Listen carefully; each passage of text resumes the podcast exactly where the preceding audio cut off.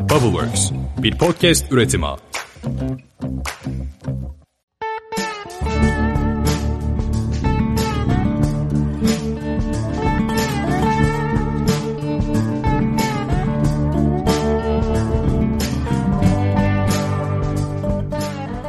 Merhabalar, Bir Çift Üzüm'ün yeni bölümüyle sizlerleyiz. Ben Emre. Merhabalar, ben de Gözde. Bugün 11. bölümü çekiyoruz sizinle. 10 bölümü geride bıraktık. Bunun için birazcık heyecanlıyız. Bugünkü konumuz muhteşem bir konu. Emre ile beraber e, üstüne çokça zaman ayırdığımız ve çok da keyif aldığımız bir konu şarap tadımı. Bugün sizlere şarap tadımından bahsedeceğiz. Bugünkü konuğumuz ise Şiraz. Şira. Evet, Şiraz. Ben Şiraz diyorum, Emre Şira diyor.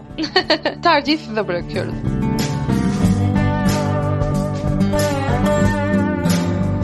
Şimdi biz şarap tadımı üzerine aslında 5 yıldır yaklaşık çalışmalar yapıyoruz. Arge üzerine de yapıyoruz. Yani araştırma geliştirme de yapıyoruz bu konuda kendi üretimlerimizle beraber. Bu anlamda bayağı bir tecrübe edindik değil mi? Evet evet kesinlikle böyle ilk başlarda başladığımız gibi değil.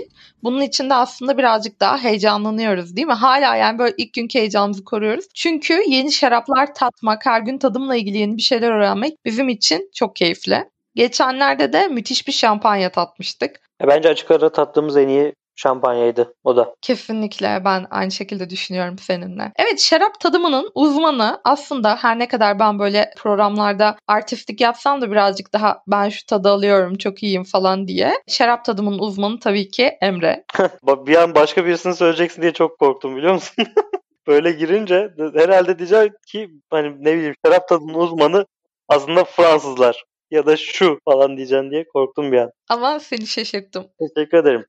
Sen de beni şaşırt. Hayır Gözde. deyip sana topu atıyorum geri.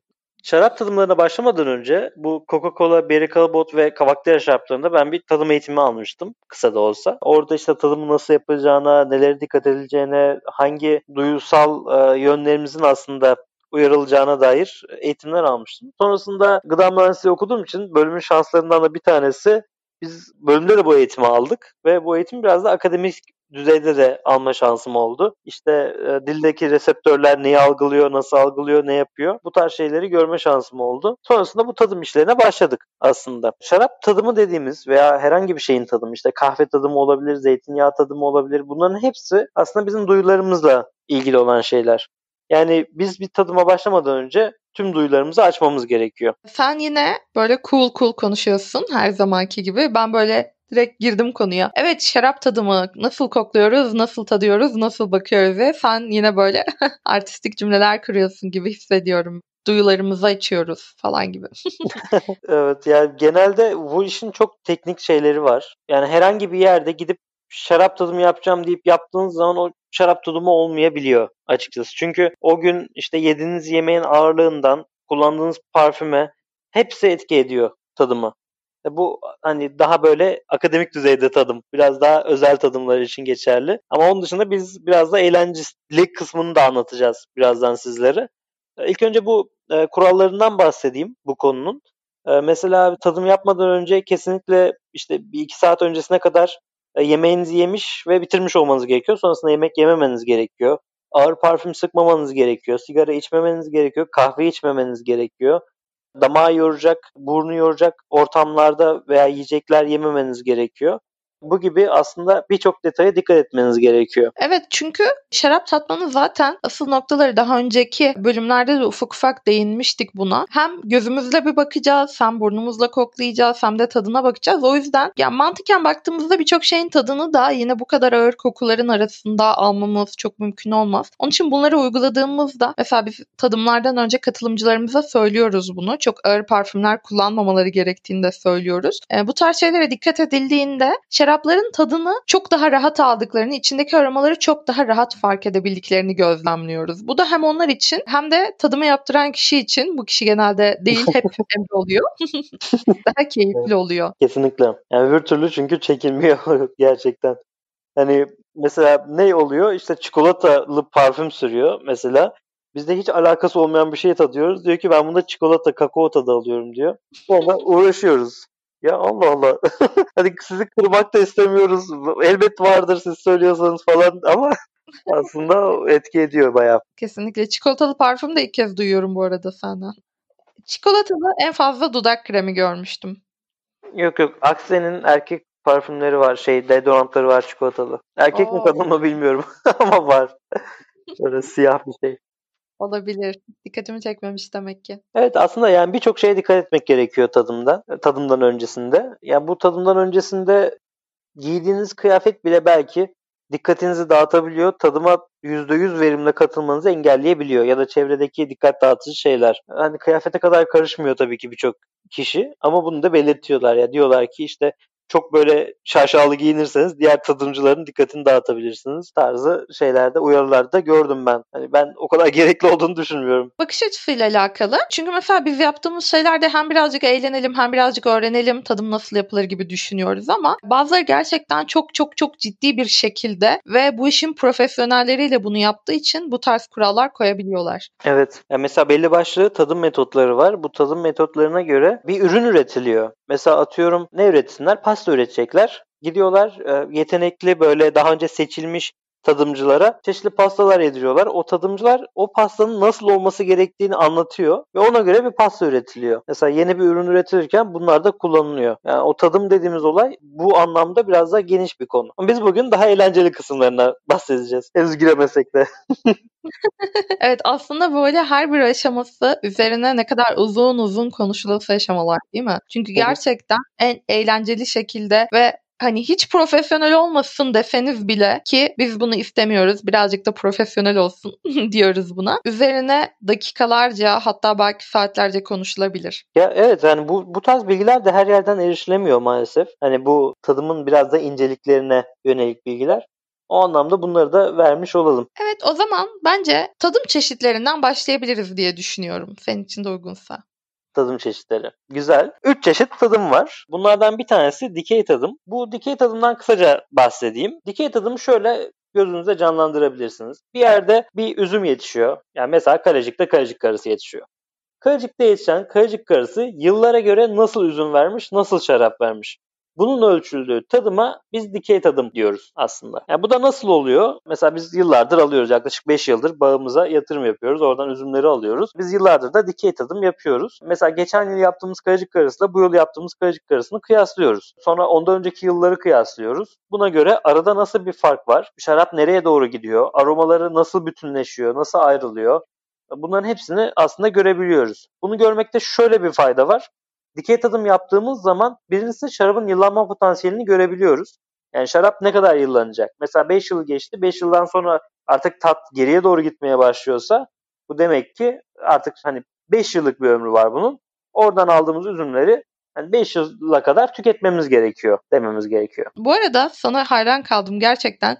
Çünkü e, bunu planlamamıştık hiç. Tadım çeşitlerinden başlayalım dedim ve çok hızlı bir şekilde adapte olup tadım. Ben asla başaramazdım bunu. bir öz eleştiri yapacak olsam. Bu hafta ee, şu... özgüvenim çok yerinde. o yüzden ne dersen üzerine konuşabilirim şu anda bir anda. Süper diyorsun. Kaçıncı tadım etkinliğimiz oldu sayamadık ama kesinlikle katılıyorum. Dikey tadımla ilgili de bence kesinlikle çok keyifli bir olay. Mesela siz de en sevdiğiniz şarapları dikey tadım yapmak için farklı yıllarını alıp işte 2014 yılına ait, 2015-2016 yıllarına ait olanları alıp tek tek tadabilirsiniz. Böyle bizim için şöyle de oluyor. Hem geçen yıldan sakladığımız şaraplarımız oluyor. Diğer yıl tadına baktığımız. Aynı zamanda bir de yenisini yaptığımız zaman bir önceki yıl yaptığımızın tadını hatırlamaya çalışıyorum. Üstünden koskocaman bir yıl geçmiş. Bu gerçekten çok keyifli oluyor. Şöyleydi hatırlıyor musun gibi Emre ile birbirimize ipuçları veriyoruz bazen. Ve böyle tamamen o bağı tanımak, o üzümü tanımak aşırı keyif veriyor. Değil mi? Ben öyle evet. düşünüyorum. Evet. Ya aslında çok ilginç ya. Her senenin Eylül ayını tanıman gerek, bilmen gerekiyor.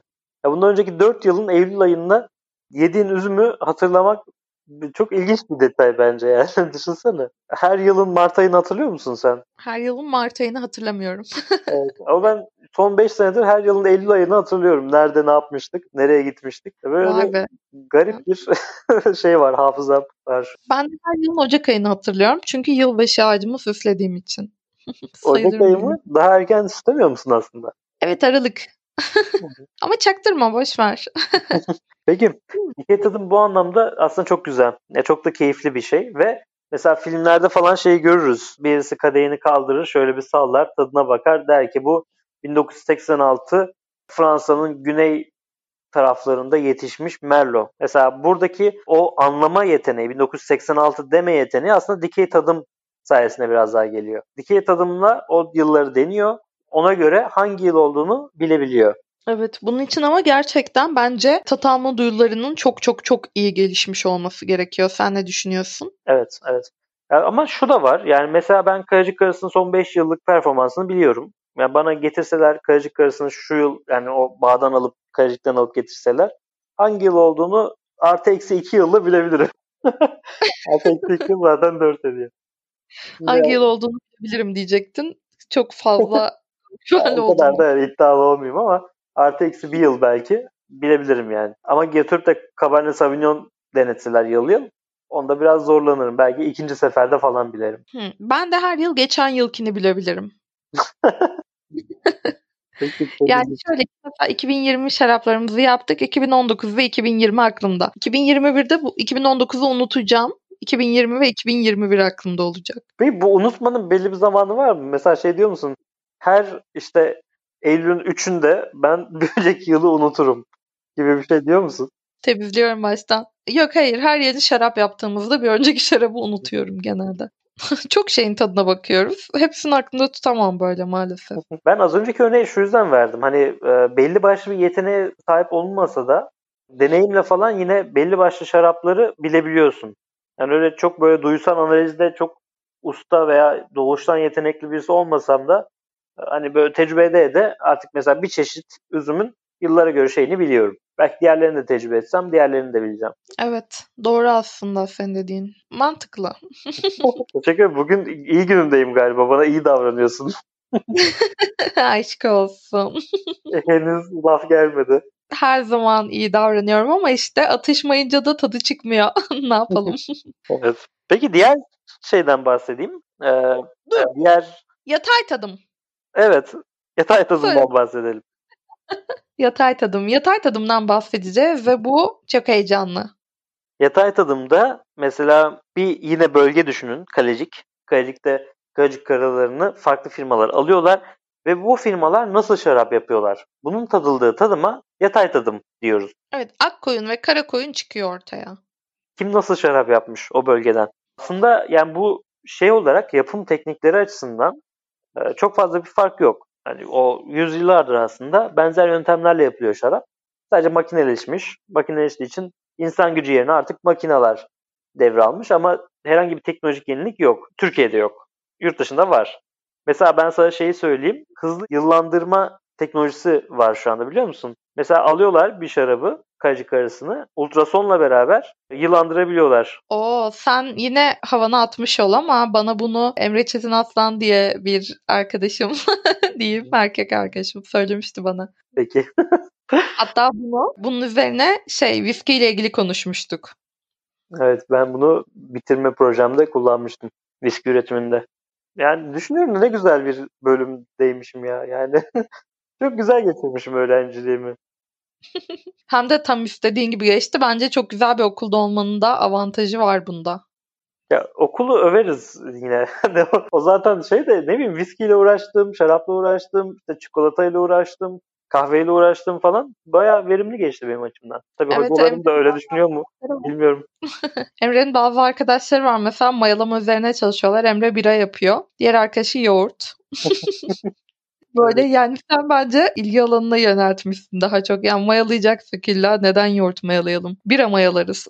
evet yani ben bunu düşünmemiştim. Doğru söylüyorsun. Evet. Bu arada bölümün çeşitliliğine bakar mısın? Kültürel çeşitliliğine. Yani sana maya veriyorlar istediğini yap. İster ekmek yap, ister şarap yap. Karışmıyorlar. ne güzel.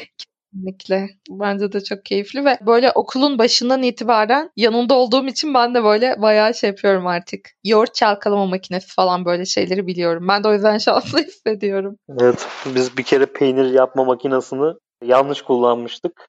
Onu da kısaca anlatayım. Konuyla biraz alakasız ama ilginç bir anıydı bizim için. Biz üç arkadaş peynir yapmaya çalışıyor. Dört arkadaştı. Diğerini unuttum diye attıysam. Dört arkadaş peynir yapmaya çalışıyorduk ders kapsamında. Ve bunlardan üçü bölümün en başarılı öğrencilerinden bazılarıydı ve ben vardım. en başarılı öğrencileri ve ben. Peynir yapma makinesini aslında açmamamız gerekiyormuş. O çalkalıyor çünkü içindeki şeyi, sütü. Ama biz açık bıraktık ve açık bırakarak gittik. Bir de mozzarella yapmaya cüret ettik biz. Yani senin neyine mozzarella daha ilk kez peynir yapıyorsun. Git beyaz peynir yap ne bileyim çökelek yap bir şey yap. Mozzarella tarifi falan bulmuştuk onu yapıyorduk. Biz onu açık unutmuşuz ya makinayı. Makine tüm peyniri parçalamış böyle. ince un ufak etmiş resmen. O yüzden onu tekrardan birleştirmek, işte bütünleştirmek falan çok zor olmuştu. Bir yolunu bulduk, bütünleştirdik.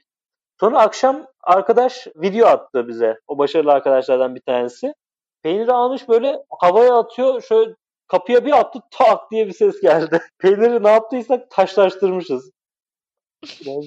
Çok ilginç şeyler yaşadık ya bölümde. Gerçekten bence ilginç. Ve Emre'nin böyle çok güzel anıları var bence. Her bölüme bir tane şey yapabiliriz. Yani mesela bugünkü konuğumuz diyoruz ya bir de böyle Emre'nin bugünkü bölüm anısı diye bir kısım yapabiliriz bence programlarımızda. Yani Emre'nin başarılı arkadaşlar ve ben demesinin altında bazı evet. sebepler var. Emre başarısız mıydı? Hayır. bence değildi ama Emre daha çok biraz şımarık çocuk gibiydi. Bunu üzülerek söyleyeceğim yani. Mesela bir kez bunu söyleyeceğim ama kızar mısın diye de korkuyorum. Ne acaba? Hocam şöyle bir uyarı aldı. Aldı yalnız ben de sanki varmışım gibi almış anlatılan. Deney yapacağımız malzemeleri yemiyoruz. evet bezelye haşlamıştık ya. Bezelye renk değişimine bakacaktık. Ben de yedim ne yapayım yani azıcık. Göz hakkı diye bir şey var sonuçta gıda okuyoruz. Bizim bu arada sınıfların kapısında içeri gıdayla girilmez. Yiyecek ve içecekle girilmez yazıyor biliyor musun? Aa, yani, gerçekten. Laba nasıl gireceksek başka zaten labda yiyecek içecek çalışıyoruz. Bunu hiç düşünmemiştim. Ama sizin buzdolabı yazan yazı dikkatimi çekmişti. İçindekiler deney içindir lütfen yemeyiniz. Evet ya bazı arkadaşlarım yiyorlardı. Gruplara falan yazmışlardı. Neyse ki benim hiç öyle yenecek şeyim olmadı çünkü eve götürüyordum ben hep deney yaptığım şeyleri. Güvenmiyordum. viski yapıyorum. Evet. Tabii viski yapıyorum değerli bir şey. Yani şu anda piyasada bile litresi 200-300 lira. Ben de şeyde meşe fıçıda yapıyorum. Götürüyordum ben de. Meşe fıçı da değerli. Ee, meşe fıçı ile ilgili bölüm dinleyenler bilir. Meşe fıçının bizim için değerine. Evet. Peki yatay tadımdan nerelere geldik? Yatay tadım tekrardan ben konuya dönmek adına özetleyeyim. Ee, aynı bölgeden farklı firmaların yaptığı şarapların tadımı. Aslında biraz daha pazar araştırması için kullandığımız bir tadım türü. İşte pazar araştırırken farklı firmalar nasıl yapmış, biz nasıl kendimizi geliştirebiliriz, gelecek yıl neyi farklı yapabiliriz, ya da bunun şarabı niye böyle olmuş ya çok güzel ya da bizim şarap niye böyle olmuş e, nasıl geliştirelim falan tarzında e, soruları yönelttiğimiz tadım türü. Evet o zaman yatay tadımdan bahsettiysek diğer bir tadımı söylemek istiyorum. Söyleyeyim mi? Söyle. Kör tadım. Kör tadım. Kör tadımda bizim yaklaşık 3,5 yıldır üzerine çalıştığımız, etkinliklerimizde kullandığımız tadım türü kör tadım. Kör tadımı şöyle ifade edebiliriz aslında. Yani tatacağımız şarabın kimliği gizli aslında. Yani bilmiyoruz onun ne olduğunu. Belki bazen rengini görebiliyoruz, bazen kokusunu hissediyoruz. Yani biraz da aslında blind olarak biraz daha kör bir tadım yapmayı amaçlıyoruz. Onu keşfetmeye çıkıyoruz. Yani o şarabı keşfetmek amacıyla aslında o tadımı yapıyoruz. Biz bunlara kör tadım diyoruz. Ondan sonrasında işte tadımların sonunda bu şarabın ne olduğu açıklanıyor. Bu gibi aşamalarda kör tadında kullanılıyor. Aslında bence çok güzel bir yöntem. Neden biliyor musun? Çünkü mesela dediğinde işte öküz gözünün aşağı yukarı karakteristik özelliklerini bilen birisi olsun. Yani bana getirip de mesela öküz gözü deniyoruz dediklerinde ben her ne kadar onun içerisindeki aromaları bulmaya çalışsam da bir taraftan hep böyle daha ağır bir, daha tanenli bir şarap. Hep bunları anlamaya çalışırım ya da işte e, öküz gözünün öküz gözünden gelmesi gereken tatları birazcık daha gelir aklıma. Ama bilmediğimiz zaman çok daha rahat bulabiliyoruz. Aslında her şey için böyle bence. Yani tamamen önyargısız yaklaşmış gibi bir şey oluyorsun. Bence de. Yani hiç bilmediğimiz zaman ne olabileceği aklıma gelmiyor. O yüzden aklımda bir sürü soru uyanıyor. Bunun acaba içinde ne var? Şu aroma şuna mı benziyor? Bu aroma buna mı benziyor?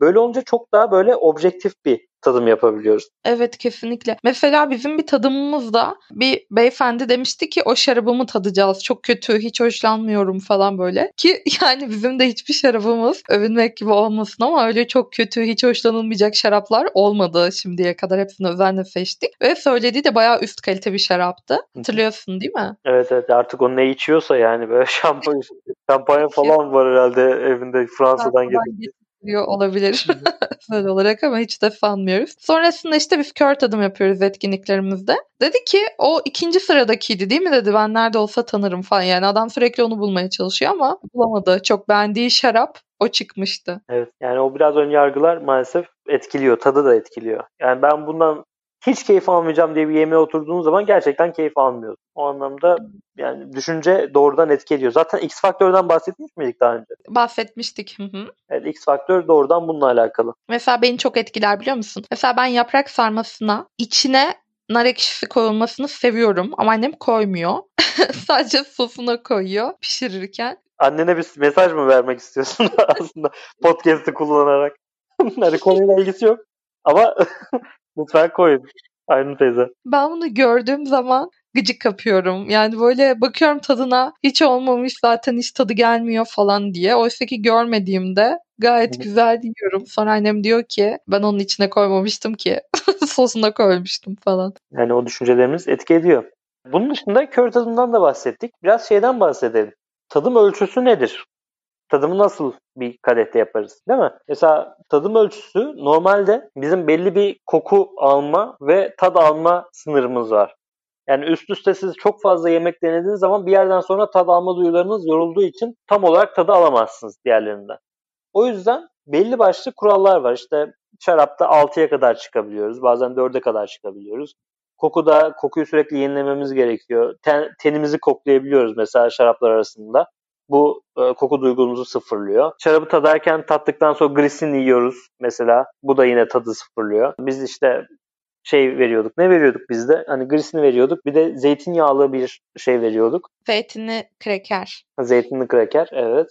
Hani biraz da artık e, hafif tuzlu ama çok tuzlu olmayan, damağı yormayacak, damağı sıfırlayabilecek şeyler. Tuzsuz olması daha avantajlı olur. Bunların hepsi aslında maksimum verimi almak adına yaptığımız şeyler. Tadım ölçüsü de genellikle 75 mildir bu yüzden. Yani mesela şöyle düşünün.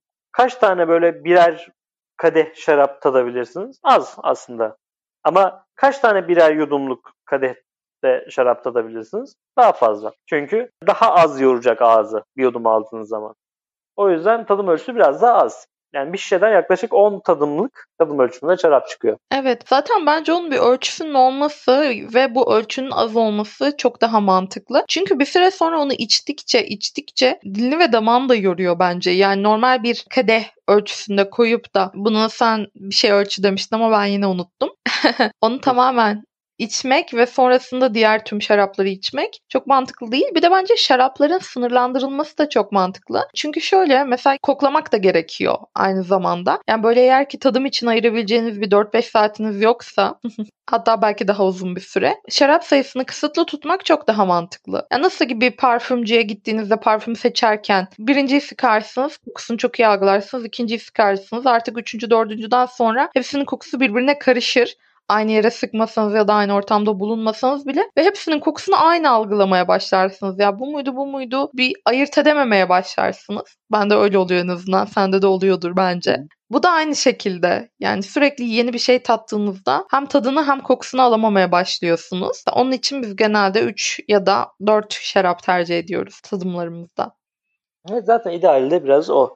Bunun yanında şeyden de biraz bahsedelim aslında. Tadıma özel kadehler var. Yani her kadehle tadım yapılması önerilmiyor. Ya tabii ki her kadehle tadım yapabilir herkes ama mesela tadıma özel kadehler var. Bunların ağızları biraz daha böyle hafif kokuyu toplayacak şekilde dizayn ediliyor. İçindeki kokuyu topluyor. Bu sayede daha böyle rahat bir şekilde biz tadım yapabiliyoruz, o kokuyu alabiliyoruz. Peki yoksa kokuyu almak için ne yapabiliriz? Mesela ben yeni bir şarap aldım. Tatmak istiyorum ama benim bunun için uygun bir kadehim yok. Normal bir bardağa koyacağım. Bunun kokusunu daha iyi bir şekilde alabilmek için ne yapmam gerekiyor? Hı, şöyle bardağa koyduğumuz zaman genellikle cam bardak daha sağlıklı olur. Cam bardağa koyduktan sonra o cam bardağın ağzını avucumuzun içiyle kapatıyoruz. Yaklaşık bir 30 saniye falan bekliyoruz. Belki 30 çok olur. 20 saniye, 15 saniyede yine yeterli olabilir.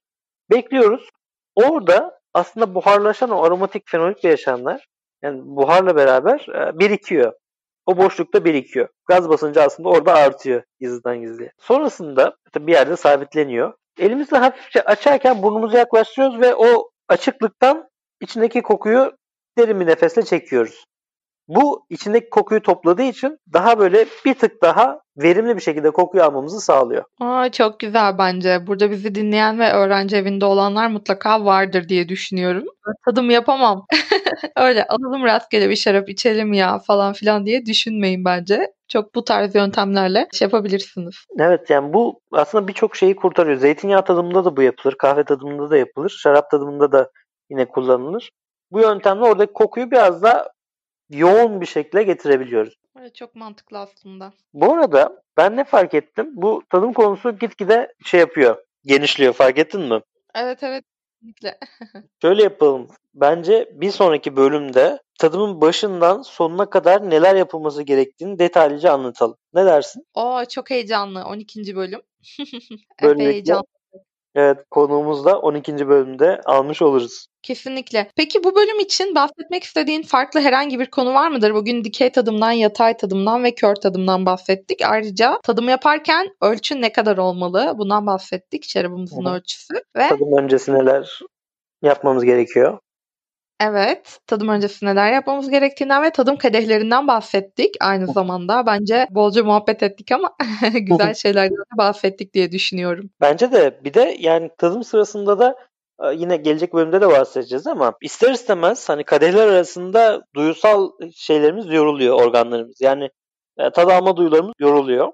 Bunları da sıfırlamamız gerekiyor. Bunları da nasıl sıfırlıyoruz? Birincisi tad alma duyularımızı sıfırlamak için grisini yiyebiliyoruz ya da kraker yiyebiliyoruz. Ardından su içebiliyoruz.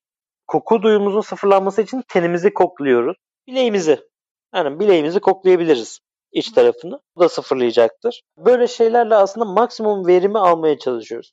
Ama şu değil. Mesela ben bunları yapmıyorum yine de tadım yapamaz mıyım? Böyle bir şey zaten hiçbir şekilde iddia etmiyoruz. Bu tadımın incelikleri aslında biraz daha. Ama bunlarsız da birçok tadım yapılıyor. Yani fabrikalarda da bunlar uygulanmadan yapıldığı zamanlar oluyor. Her şekilde her an her yerde tadımlar yapılabiliyor. Ya biz sadece verimi daha çok nasıl artırabiliriz ya da hangi ipuçları size daha yardımcı olur? Bunlardan bahsetmeye çalışıyoruz. Evet. Bu arada Ya mesela- sen bunu anlatırken bileğini koklamaya çalışan bir tek ben miyim bilmiyorum ama Ben anlatırken kokladım. çok sinir Normalde bileğimiz kendi kokumuzu yansıtıyormuş. Ama herhalde biz çok alışık olduğumuz için öyle koku gelmiyor. olabilir kesinlikle ama parfüm falan sıksaydık mutlaka kokusunu alırdık ve daha çok yorardı. Bu arada tadım arasında da aslında grisin çubuk kreker yani tadı olmayan bir şeyler yemek sanırım Tat kokusuz şeyler evet. mantıklı. Mesela bu etmekler falan var ya tuzsuz belki tercih edilebilir. evet. Bir de ne var böyle ağaç kütüğü gibi bir şeyler var ya form şeyleri, krakerleri. Evet Onlar sen onları sevmiyorsun ama bence ben bayağı lezzetli buluyorum ya ilginç bir şekilde. Ya bilmiyorum ben onu bir araştırırım. Gerçekten ağaç kütüğünden falan üretildiğini düşünüyorum.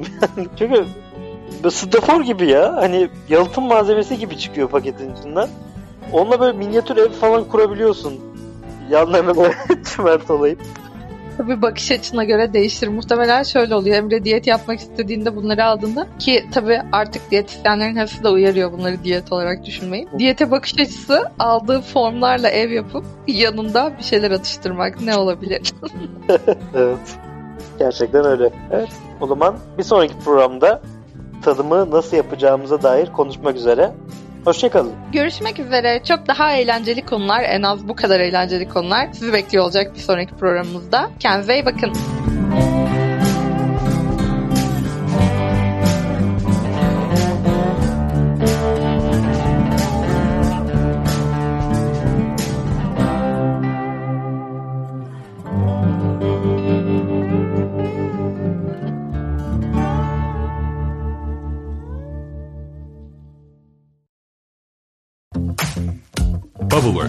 bir podcast üretimi.